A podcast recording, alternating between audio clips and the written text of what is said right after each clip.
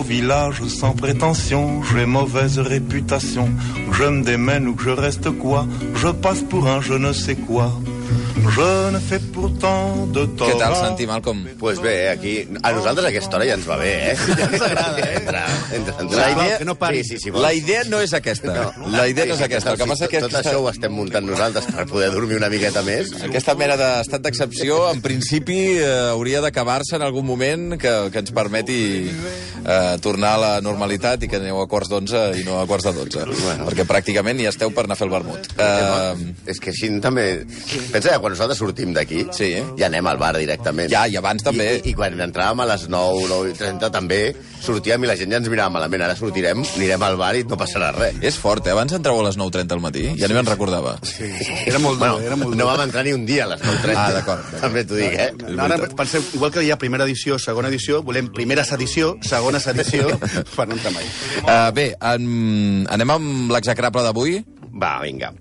És un artista... Aquest és un dels que ens sap greu. Saps aquells que... Ah, sí. Saps que hi ha en aquella part de que uns ens agraden Sí. i uns els fem amb més sanya Sí, i que els altres... pagueu i... Sí, Perquè sí. aquest realment era, era un mite, un, el, el símbol de la rebel·lió juvenil per excel·lència, una icona sexual, vull dir, un home realment il·lustre i admirable, però també també una part fosca. Una cara B que va ser definida curt i ras per Ray Manzarek, el seu company als dos, que en les seves memòries parla del nostre personatge com un, així sense embatxes, borratxo degenerat. Vinga. I és que parlem de la típica persona que és suportable. Ara a això, eh? Tots coneixerem algú d'aquest. El tio que és bon tio, suportable, fins que... es Nosaltres pre- segur.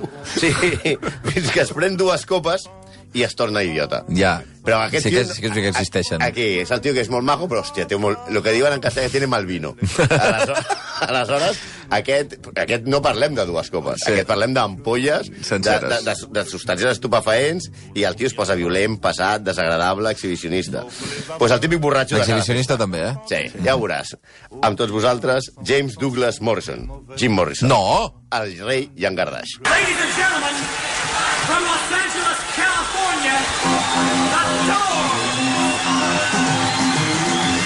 què m'estàs dient? Això sí que no... no. O sigui, si comencem a tocar els músics... A més, per cert, eh, venint als Rolling Stones aquesta setmana, jo us podríeu haver currat un... Però no, clar, estan tots vius. Estan vius, bueno, ja, ja, ja. Bueno, Si queda poc, eh? No et preocupis, no, si queda Bueno, poc. ja ho veurem. No, però Sí, mira, Jim Morrison de The Doors. Ostres, Lady jo- Gaga suspèn i Mick Jagger amb 80 tacos aquí corrents amunt i avall, eh? 70, ahir estàvem veient 76, que la, la mm, batalla és entre ell i Tina Turner, que són 74 contra 77, em sembla alguna cosa així. No, batalla en el asilo. No ho sé. Eh, jo vaig parlar un dia amb Mick Jagger, em va tocar i em va dir, eh, sisplau, he de marxar. una conversa. No, per fer ràpid, per fer ràpid lo de Jim Morrison, el seu problema, com passa en qualsevol manual d'autoajuda i psicologia, psicologia barata, estava a la seva infantesa. Morrison era un nen acomplexat i solitari que va patir la disciplina militar d'uns pares molt, molt estrictes. Però quan diem disciplina militar no diem que siguin pares estrictes. No, no, militars de veritat. El pare de Morrison era el mirall de la Marina dels Estats Units. Sí o no? Sí, a més a més, un dels més importants que hi havia. Sí, de fet, el primer, el primer capità de vaixell nuclear de la Marina dels Estats Units li va, el va portar el pare de Jim Morrison. Oh. O sigui que devia ser no, no diria el Carrero Blanco d'allà, però... Ala. diguem-ne, un tio... L'almirante... l'almirante- No se t'ha acudit cap altre nom, no? L'almirante Churruca. Sigui, estem, estem, estem molt delicats, ara. L'almirante Churruca, Nelson. Val, Nelson. Vale. Chanquete. Chanquete, ara. Chanquete i Carrero Blanco no saben bé, és igual. Tireu, Oh, tireu. portaven un barco. Sí, sí, sí. Eren capitans, no. No, com que el seu pare anava canviant de base, el petit Jim no podia mai assentar-se en cap joc ni fer amics. I als 14 anys havia viscut en 7 ciutats diferents. I com que no hi, podia, no hi havia Play, Play PlayStation, es va dedi- dedicar a llegir molt. I això és molt dolent, ja ho sabeu. Però no al so d'en Pitus Un o que Harry té una Potter. editorial, eh? clar. Ni, Harry, tan sols, ni, ni tan sols el Playboy. Va començar amb poetes maleïts francesos com Baudelaire, Rimbaud o Céline. I això no podia acabar bé. Clar, anys després, quan es va independitzar de la família i ja era tota una icona hippie i el tio més desitjat del planeta, que es fotia de tot i allisonava les masses des de l'escenari en contra de la guerra de Vietnam, va amagar sempre els seus orígens de mentint sobre la seva família. Clar, imagineu-vos, no podia ser que la icona que anava en contra de la guerra de Vietnam, que incitava les revoltes juvenils, se sapigués que tenia com a pare a un militar dels Estats Units més fatxa que Mussolini. Per altra banda, mirava també d'amagar entre els seus companys, el, el pare també deia que quan havia arribat a les reunions aquestes del Gran Almirantazgo, o com es dic, però m'agrada molt el Gran Almirantazgo, eh, i deien, ah, heu vist aquell poca pena va despullat i es droga i tal? Si no devia dir mai que era el seu fill, clar, perquè... Sí, tot i això, al llarg de la seva carrera, sí que va necessitar Morrison l'ajuda del seu papa. Quan tenia problemes en la justícia a causa de les seves principals aficions, que eren ensenyar la tita en públic Vinga. i engatar-se fins no aguantar-se dret... Estarem així tota l'estona, no? Sí, Ah, sí, sí. sí. Pas de Però l'ESO, eh? no Ja, cal sí. aclarir. En tot cas, la vida de Morrison és un cap de setmana dels vostres, però lligant. Ja, sí, és, sí, és com un cap de setmana de qualsevol nano de l'ESO, Però amb sexe. Però, amb sexe. Ja. amb sexe amb un altre, vull dir. Va! Per favor, Anava tu? molt independent, però al final era el seu pare, com deien, que el que havia d'estar mesos o anys sense dirigir-se a la paraula, havia d'escriure una carta al xèrif que l'havia arrestat, o havia de fer una carta al jutge per aconseguir fer-se tutor de la llibertat condicional del seu fill. El primer cop que va passar això, tenia 19 anys, eh, Morrison, no el seu pare, i el van detenir en un estadi de futbol americà a la universitat, quan absolutament borratxo va treure a passejar el jangar de Xet per la grada. Tenia 19 anys i començava el mambo. Sí,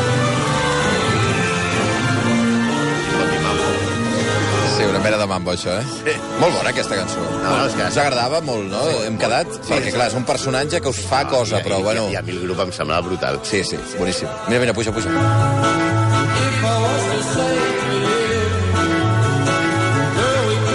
T'estàs deixant els cabells com Jim Morrison, Santi? Sí, i el jangar de Xet. Va, tira. No, no. La història de com salta la fama Morrison és prou coneguda. Estudiava, estudiava cinema a UCLA, que per cert és la, a la mateixa classe que Francis Ford Coppola. O sigui, si penseu en com és Coppola, Coppola ara, us podeu imaginar com seria avui si Morrison fos viu. No? I, però clar, no. Morrison no, no, no, anava, no anava a classe. Tot cau. Tot cau. No anava a classe, fumava molts porros i, i llegia autors tan estranys que els seus profes no acaben de creure que existissin i havien de comprovar a la Biblioteca del Congrés que efectivament existien, no? Un bon dia coneix a Venice Beach a Mansarek, que estudiava a la mateixa universitat, no anava a classe i es posava fins les tranques de LSD. Tenia un grup de música, però li faltava cantant. Morrison li va ensenyar els seus poemes i van decidir unir-se a, a Brusita per guanyar un milió de dòlars. O sigui, igual que el Santi i jo, però Sí, sense pasta. Però Igual. és el millor. Clar. El grup li van No, posar... perdona, ja us ha dit l'Evole que ens esteu forrant amb el llibre. Vinga, a Ah, Sí, veure... l'Evole va a missa, clar, com tot el que diu a l'Evole va a missa, clar. Aleshores, al grup li van posar The Doors, en homenatge a les, a les... què vol dir, les puertes? Eh, a les- a l'assaig, les portes, vull dir, a l'assaig d'Aldous Huxley titulat Les portes de la percepció, en la qual l'autor explica els seus experiments amb la mescalina. I a sobre comencen a tocar amb un bar anomenat Whisky a Gogo. És a dir, li posem el nom de Huxley experimentant amb la mescalina. Toquen amb un bar que es diu Whisky a Gogo. Es coneixen un que fuma porros i l'altre que va de LSD. Que pot sortir malament.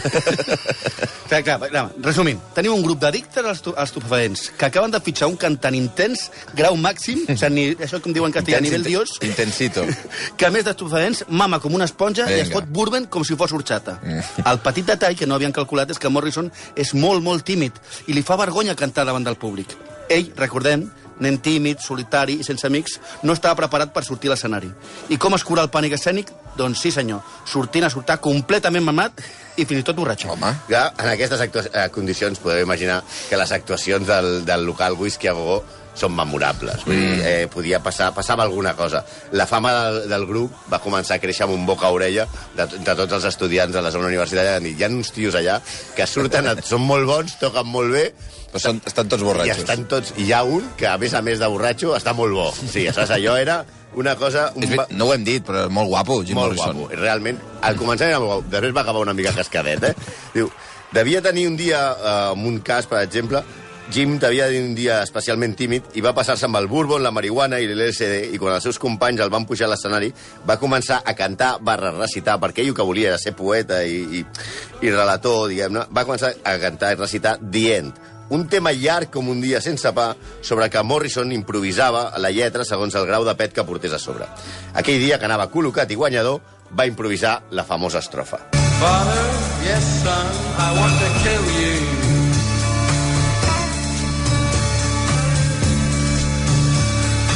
mother. I want to.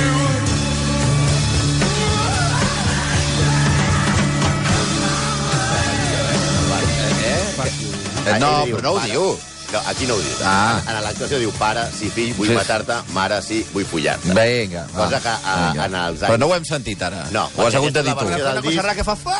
Sí, sí, d'acord, d'acord. A veure, què va passar? Pues els, el van acomi els van acomiadar del bar, però entre el públic hi havia un productor musical que els va contractar a la porta mateix quan els, els, els fotien al, al carrer. Començava la llegenda de The Doors. Cal destacar el talent del productor. Veure un imbècil tajat, drogat, dient idioteses i veure que serà una icona mundial és de puto crack. Al Barça ens faria falta un igual, eh? Eso mateix. La, la carrera del grup va ser curta, però intensa. De seguida Morrison es va convertir en una estrella de la banda i la, la banda que la gent di, la, anomenava Jim Morrison and the Doors, cosa que no li agradava ni a ell. Però no va començar a semblar, això va començar a semblar la llavor de la gelosia, i tot això, amanit amb otoe tequila, heroïna, cocaïna, peyote, marihuana i de tot. Bueno, és que aquests es fotien fins al pinso del canari. Si Vinga. Eh? Òbviament, en aquestes condicions, els concerts en directe eren com una boda amb Ernesto de Hanover.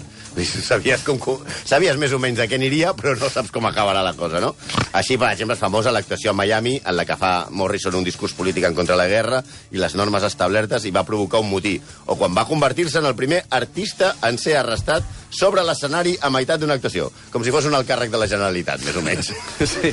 Sí, el- se'l van endur, eh? Sí, sí, sí, hi ha imatges. El podeu buscar a YouTube quan entra la policia i se l'endú a l'escenari. Si va córrer a New Haven, això, abans de sortir a l'escenari, Morrison estava preescalfant l'actuació amb una noia amb un lavabo del local. A veure, ja, ja, el ja, micròfon ja, el, ja, el feia no, ja servir no ella, eh? El micròfon el vinga. feia servir ella. I un policia els va descobrir i el va voler detenir. Morrison el va posar xulito, en plan... La Guàrdia Civil no us pot venir a buscar vosaltres, o què? No, sí, sí podria, eh? Sí que podria, sí. De fet, ha passat. Se- se- s'han dado casos. Ah, sí? Però ella va posar... Jim Morrison, que quan venia el, la Guàrdia Civil d'allà, que era el, el, el policia, li va dir, com Esperanza Aguirre, no sabe usted con quién está hablando. I el poli, que realment no tenia ni puta idea de qui estava parlant, Això és veritat, el Poi no sabia de qui estava parlant, eh? li va ruixar gas pebre. Hosti. I, clar, aleshores, bueno, l'arribada de la banda va calmar els ànims, l'actuació la, l'actuació es va retardar, la gent estava nerviosa, i al final surt Morrison i en lloc de posar-se a cantar, explica a tot el públic el que acabava de passar. I denuncia el poli, el que assenyala, i li diu porc. I comença un míting en plan Gabriel Rufián, i el, els polis els van inflar les pilotes i el va detenir al mateix escenari acusat de incitar un motí, sedició. Épala. I- Que les actuacions acabessin al jutjat començava a ser massa habitual pels dos. I els problemes judicials al voltant de Morrison començaven ja a fartar la resta de la banda que no tenien aquest grau de, de, de, de, de dependència de l'alcohol i de les drogues de Morrison. I finalment, realment, és que va acabar el punt de que no el, no el suportaven. Krieger, Densmore i Manzarek, que eren els altres membres del grup, coincidien en afirmar que Jim era un nano suportable, però que quan anava col·locat era insufrible. I ja no se'n recordaven quina era l'última vegada que no l'havien vist mamat. Sí, anècdotes sobre concerts i a patades. Per exemple, van, van, van fer una, una, una gira per Europa Sí. en la que va cancel·lar bona part dels concerts perquè Morrison no es presentava al local, en algunes sales van arrucar sense, cantar sense ell perquè no, no sabien on era, arribava sense aguançar-se dret... Bueno, a Amsterdam, on si no, Morrison s'ho va passar tan, tan, tan, tan bé que va patir un col·lapse per abús de drogues i va ser ingressat a un hospital. La continuïtat de la banda estava seriosament compromesa pels excessos del cantant. Fins que arriba el punt, el punt, el punt àlgid. A Miami, l'1 de març del 69, al Dinner Key Auditorium, capacitat per 6.900 persones, però amb 14.000 espectadors Oh. ficats a dintre, Morrison decideix canviar l'actuació per un míting polític en el que demana a la gent que surti al carrer i faci la revolució. I en ple èxtasi revolucionari no pot contenir el seu afany exhibicionista, que ja hem parlat de que li venia, que la mínima ensenyava ja el llangardaix, Sí, ai. i s'obre la bragueta i Ai. simula una masturbació. No, home, no. Davant de 14.000 persones. Home, no. Amb dos pebrots, mai millor dit. Sí, no, clar. Sí. Òbviament. I què va òbviament, passar? doncs, o sigui, el tio anava cridant a la, a la, Sí, i ella- a la revolta i al final se li va escapar la mà. Uns diuen... La mà- mai millor Sí, dit. sí, és igual. La... És que no sé per què us dono corda, és que de debò no n'aprendré mai. Òbviament l'acusen d'escàndol públic i comença un procés judicial que marca el final de la banda. Morrison es gasta bona part de la seva fortuna en contractar advocats per evitar que el posin a la garjola i, per si de cas, fot el camp dels Estats Units i marxa a Europa. A no fotre res més que seguir bevent, drogant-se, però a París. És a dir, inaugura el programa Erasmus. Evidentment, amb aquests desordres de personalitat, les seves relacions amb les dones també eren tempestuoses. La seva nòvia oficial era Pamela Coulson, que la coneix des de que tenien 19 anys, a la que ella anomenava el seu amor còsmic. També era addicte a l'heroïna i mantenia una relació oberta amb altres persones. Vamos, que zumbaven tot el que se'ls hi posava per davant. Fins i tot Morrison es va casar amb una altra dona, segons el ritus celta, amb l'escriptora Patricia Kennelly. Les bronques i reconciliacions entre Coulson i, i, i Morrison eren constants. I, I ell, a sobre, què els hi faltava? Que se li anava la mà amb les dones massa sovint. També, eh? Sí, sí. Sí. sí. És que si, per, si, per si faltava alguna cosa per completar aquest retrat, Jim, Jim era un maltractador. A més de les baralles amb Pamela, que ja està parlant el Santi, també va cascar James Joplin, en una festa que, com era habitual, va emborratxar-se... Janis. Janis Joplin. Sí, Ah, Janis ah, perdó, Joplin. perdó. Entre James i Janis, Janis sí, sí, Joplin. Sí, la, la Rosa. I, i, I com era habitual, va emborratxar-se fins a posar-se absolutament insuportable. No obstant, malgrat la seva mà llarga, el seu magnetisme en les dones era brutal. Va arribar a ser el, ciutadà americà amb més demandes de paternitat interposades. Què dius? Un rotllo entre Julio Iglesias i Salvador Dalí, però en hippie. Morrison, Salvador Dalí. De moment, el, el tema del fèmur només en té una, eh? De demanda de paternitat. posi'm el Ah, fem. Posi'm el fèmur. Morrison, fugint de les demandes de paternitat, de la persecució judicial per cascar-se-la en públic, buscant-la iniciar la seva carrera com a Jo, escriptor i jo crec que potser no cal parlar així, tampoc, Vale, eh? però vaja. Se'n va a viure, com deien abans, a París, amb la seva nòvia Pamela. Mm. I aquí és on ho deixem. Sí. Perquè El 3 de juliol de 1971, amb només 27 anys, Morrison, que no obstant aparentava tenir-ne 50 perquè ja estava molt cascat, gras, enemic de la dutxa i amb els cabells llargs, es troba mort a la banyera del pis que compartia amb la seva nòvia. People are strange when you're a stranger. Però aquí ja ho acabeu, això. La gent és molt estranya. No, aquí no s'acaba, perquè arribem a una de les parts que més ens agraden dels execrables. Els que caracteritzen a un execrable com Déu mana. La teoria de la conspiració al Ah, també n'hi ha de, la seva conspiració. mort. I en el Però que màxim, algú diu que no és mort? N- n- diuen que no és mort, que Sí. la seva mort, i que, i que viu en un lloc del món amb Elvis, Marilyn, Kennedy... Sou molt pesats. Tots, El- o sigui, el- són molt pesats. la Tots allà... Gürtel, Què, què passa? Han quedat en una les, illa? Les urnes del procés i el tio que va fitxar Douglas. La causa... que aquest, per un altre motiu, interessa que no se sàpiga qui és. Està amagat. La causa oficial de la seva mort va ser aturada cardíaca. I punt. Bueno, sempre que la palma s'atura el cor, eh? Ja ho he Sí, això també és veritat. En fi, passin i vean i circulen que aquí no Sempre que la palmes, eh? és com si fos una cosa que, que et va passant al llarg Sí, de la cada vida, cop no? que la Però palma. aquests aquí el van, van veure i va dir, què ha passat? Se l'ha parat el corazón. Sí, i ja està, vinga, tira. Els francesos no es van preocupar Circuler. massa en investigar la mort. Aquesta és la veritat del cantant. I no li van fer ni autòpsia i arran d'aquesta investigació que hagués signat el propi inspector Clouseau, es van formular les teories de conspiració que van del suïcidi a l'assassinat passant per la simulació de la seva mort. Aquestes teories fins i tot s'hi suma el teclista de la banda, Manzarek, que en una entrevista va dir cometa, si hi ha una persona capaç d'escenificar la seva pròpia mort, creant un certificat de mort ridícul i pagant un doctor francès i posant un sac de 80 quilos amb un taüt i desaparèixer en alguna part del planeta, aquest és Morrison. Ell, que, ell seria capaç de fer tot això. Amb aquestes declaracions, tots els seus fans van dir no, en veritat no està mort. És un geni que ha simulat la seva mort per viure tranquil i poder escriure poesia.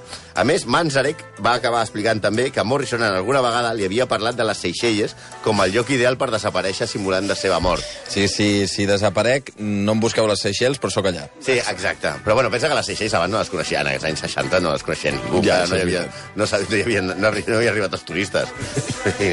No obstant, fa 3 anys, la exmodel i cantant Marianne Faithfull va explicar a la revista Mojo la veritat respecte a les últimes hores de Morrison. Només fa 3 anys, eh? Sí, en hagut 2014. d'esperar un rato. Quan va treure l'últim disc, la Marian fer Facebook, curiosament. Sí, No tenia res a veure amb no tenia intentar res a vendre, eh? amb la promoció del disc, Val, val. no. Ella també estava a París mirant de superar la, eh, a base de drogues i juergues la ruptura amb Mick Jagger i es, vol, es va eh, embolicar en un tipus anomenat Jean de Bretuil, que era el camell dels famosos, que li va vendre a Morrison una heroïna extremadament pura que li va provocar una sobredosi, quan la va injectar al lavabos d'un local, local parisenc que es deia Rock and Roll Circus. Morrison es desmaia als lavabos i en lloc d'avisar un metge, els, que els altres, que també molt intel·ligents no semblaven, l'amo del local i el camell treuen a Morrison per la porta del darrere. El porten al seu pis i el fiquen a la banyera per tal de reanimar-lo, deixant-lo amb la seva nòvia, que també anava fins a les tranques d'heroïna. Faithful no sap dir si ja va arribar mort a casa o al ficar-lo a la banyera sense vigilància es va ofegar a l'estar inconscient.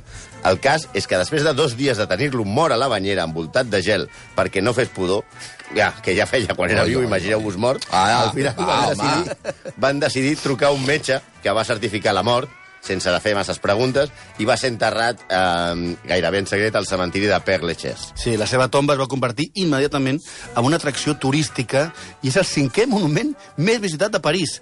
Fins al punt que van haver de posar vigilants perquè la gent aficionada al turisme de morts i els fans feien de tot sobre la làpida, que és robada cada quatre mesos més o menys. Ah, sí? Sí. Li, roba, li foten la làpida? La, la làpida és, és, constant, és una de les coses més robades i han de posar molta vigilància al cementiri perquè la gent encara... Ara ha baixat una mica, però durant els anys 80-90 la gent anava a robar la làpida de Jim Morrison. Però el, el que m'inquieta és com surts d'un cementiri amb una làpida a l'esquena, Bueno, per la no? nit, hola, Vinga, bona va. nit. Sí. No, però allà a sobre no només Sí. robaven, eh? Feien orgies, misses negres, Apa. rituals xamànics, amb peyote, en honor al rei Llangradaix. Per cert, que ha acabat passant també a la història de la paleontologia quan a Birmània van descobrir el fòssil i un d'en- d'un llangardaix gegant per un paleontòleg de la Universitat de Nebraska que el va batejar com en Barbitúrex morrisoni, en honor al líder dels Dors. Tot un personatge. No sabem com tenia el llangardaixet. El, Ai, el va, Barbatúric prou. Morrison. Unes Però ganes de- un- de- de- era- era- era bastant. Amb això. 3 minuts i 3 quarts de 12. Uh, au, llangardaixos, a córrer, eh? Ala, vinga. Fins la setmana que ve. Bueno, ja veurem, eh? No, no, la setmana que ve... La setmana que ve què passa? En teoria és el dia... El... Jornada de reflexió. Per tant, hauríeu de tenir dues hores eh, per, eh, per parlar de qualsevol cosa, perquè no podrem parlar Ah, de sí, res no, més. ah, ah, també- No ho sé, és que ara mateix no ho sé dir com clar. serà la jornada de reflexió. Ostres, doncs haurem de Però acabo de veure una última hora, el... però és igual, ara l'explicaré. Apa, adéu-siau. Pensarem alguna monde viendra me voir pendu, sauf les aveugles, bien entendu.